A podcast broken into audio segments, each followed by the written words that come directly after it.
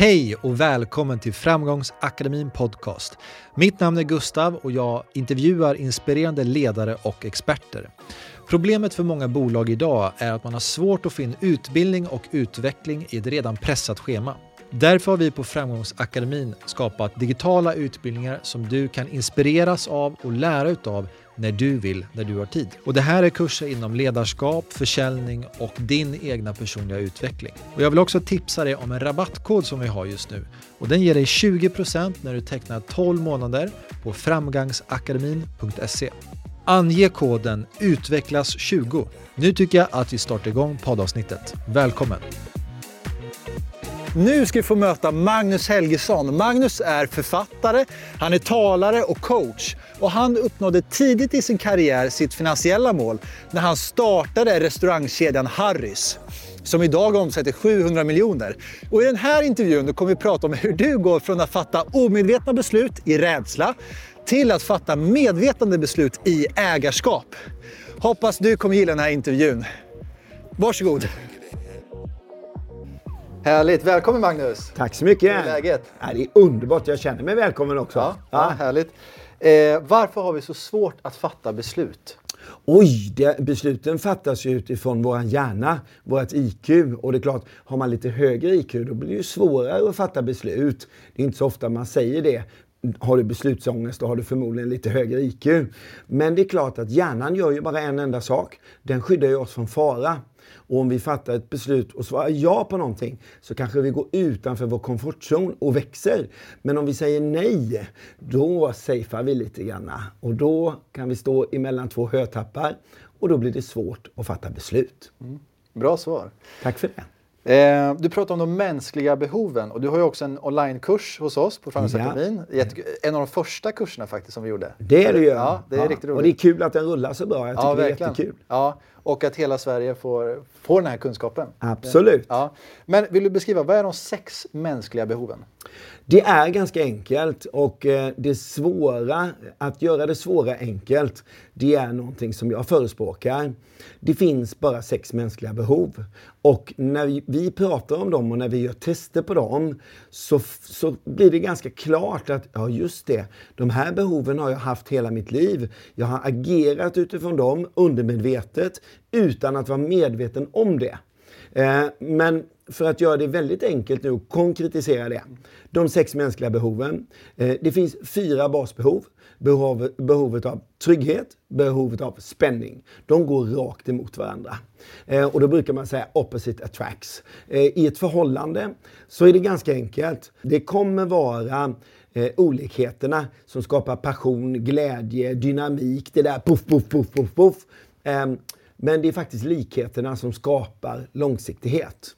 Eh, så om man klarar, jag sa ju inte det innan, men om man klarar att tillgodose mer än tre av de sex mänskliga behoven i kombination så har du en kund, gäst, klient, vad du nu än väljer att kalla det, sambo, mamma, pappa, relation, älskarinna, you name it, eh, som aldrig kommer lämna dig.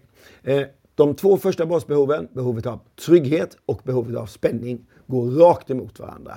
Sen har vi behovet av unikitet och det är det behovet som kan spela en ett spratt. Att människor är beredda att göra precis vad som helst, bara de blir sedda. Eh, och när man känner till att någon person har det behovet, eh, ja, jag brukar ju säga den bästa kunskapen man kan ha i sitt liv är ju kunskapen om sig själv och kunskapen om andra människor. Och först måste du älska dig själv innan du kan älska någon annan. Så det tredje basbehovet, behovet av trygghet.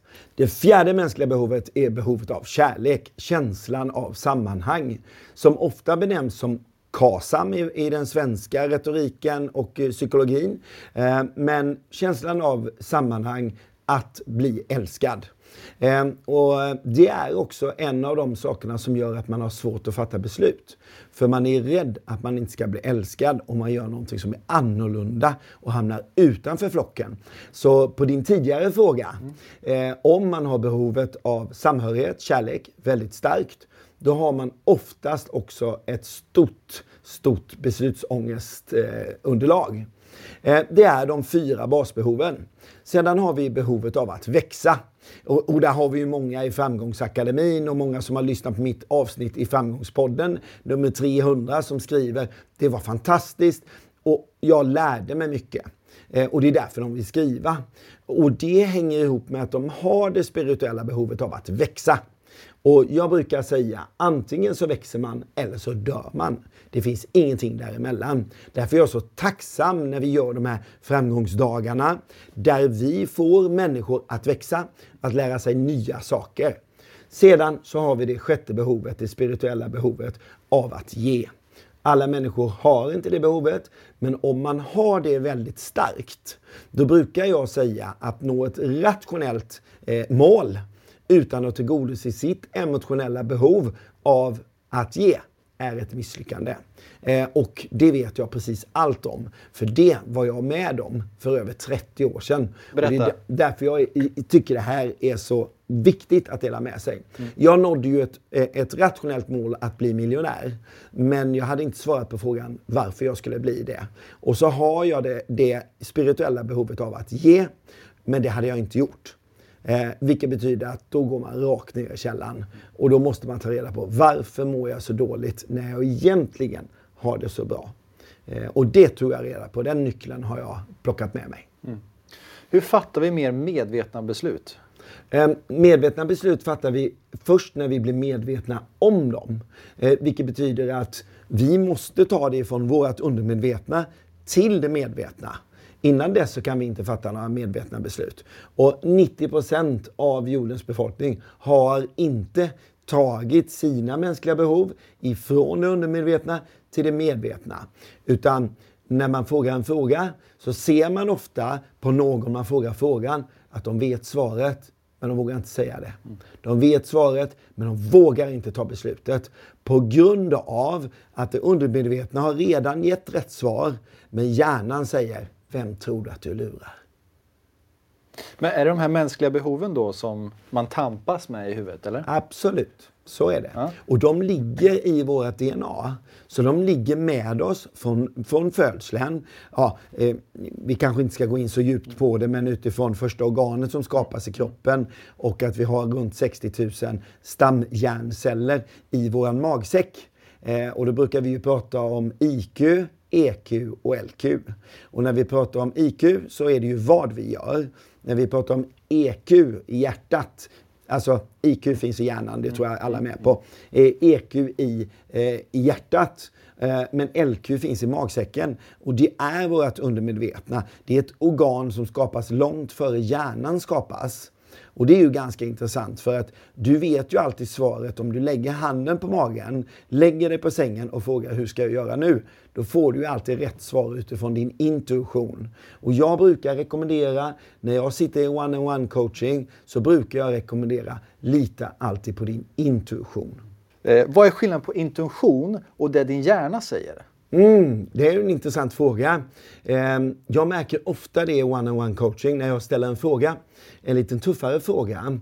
Jag brukar ha ungefär var fjortonde fråga brukar vara lite tuff. Så att hjärnan slappnar av och tänker det här är inte så farligt. Han är inte så farlig den där coachen ändå. Och sen kommer den där knivskarpa frågan när jag frågar varför då? Eh, och då kommer ofta svaret så jag kan se på pillerna. Där kom svaret. Och så tänker de till och så svarar de någonting annat. Och då säger jag, jag skulle vilja att du svarar det som du tänkte först. Då drar de ofta på mungiporna uh, uh, uh, så här och så säger de det helt plötsligt. Och när de har sagt det en gång, då är de oftast i align eh, med sin intuition. Eh, för då har den klarat besegra hjärnat att det var inte så farligt. Vad är det värsta som kan hända? Intuitionen kommer alltid skicka upp det svaret som är bäst för dig först. Din hjärna kommer alltid göra en sak och det är att försvara dig mot fara. Och det kan vara farligt att ställa sig på en scen och föreläsa inför andra människor. Det kan vara farligt att göra en investering. Det kan vara farligt att säga upp sig. Det kan vara farligt att gifta sig. Det kan vara farligt att skilja sig. Det kan vara farligt att skaffa barn. Det kan vara farligt att visa sin kärlek och bli kär och dela med sitt hjärta. Det finns mycket saker som hjärnan kan stoppa och säga det där är farligt. Men intuitionen kommer alltid ge dig rätt svar och det är alltid första svaret. Härligt. Eh, du har hållit på med självägarskap, självledarskap, mental träning i många år. Ja. Eh, vad har varit det viktigaste verktyget? Nej, men det är väl att förstå psykologin bakom. Eh, om vi pratar i business, alla gillar ju inte business. Och då brukar jag säga så här, men byt ut business mot livet då. Eh, produkt är 20 men då är ju du produkten. Mm, då är du produkten i den här utformningen. Sen är enkelhet 20% Sen kommer psykologin bakom. Att bemästra psykologin bakom innefattande de sex mänskliga behoven. Vilket betyder, om jag förstår mig på vilka behov jag själv har, eh, ja, då kan jag eh, få lite större odds att lära älska mig själv. Då kan jag börja älska andra människor och tillföra det som är mitt behov till andra människor. Vilket gör att jag får tio gånger mer tillbaka. Mm. Istället för att stänga in mig, agera utifrån rädslor, genom handlingar som leder till negativa resultat. Så kan jag nu agera utifrån min nya karta Eh, som inte skapades när jag var mellan 0 och 7 år, utan från min nya karta som är mitt vuxna jag. Och helt plötsligt sitter jag inte i sandlådan och har fått en kattepiller i huvudet. Nej, för jag har ju sett företagsledare som är 40, 50, 60 år som kan gå rakt ner i sandlådan för de har inte tränat de har inte tränat på att bryta negativa mönster. De har inte tränat på att skapa nya minnesspår. Vilket betyder att de går in i en negativ förvaltning. Mm. Men om de lär sig, och jag brukar säga upprepning är kunskapens moder. Om de lär sig tre frågor som de får med sig i den här kursen så kommer de att skapa en positiv spiral uppåtgående. Mm, härligt.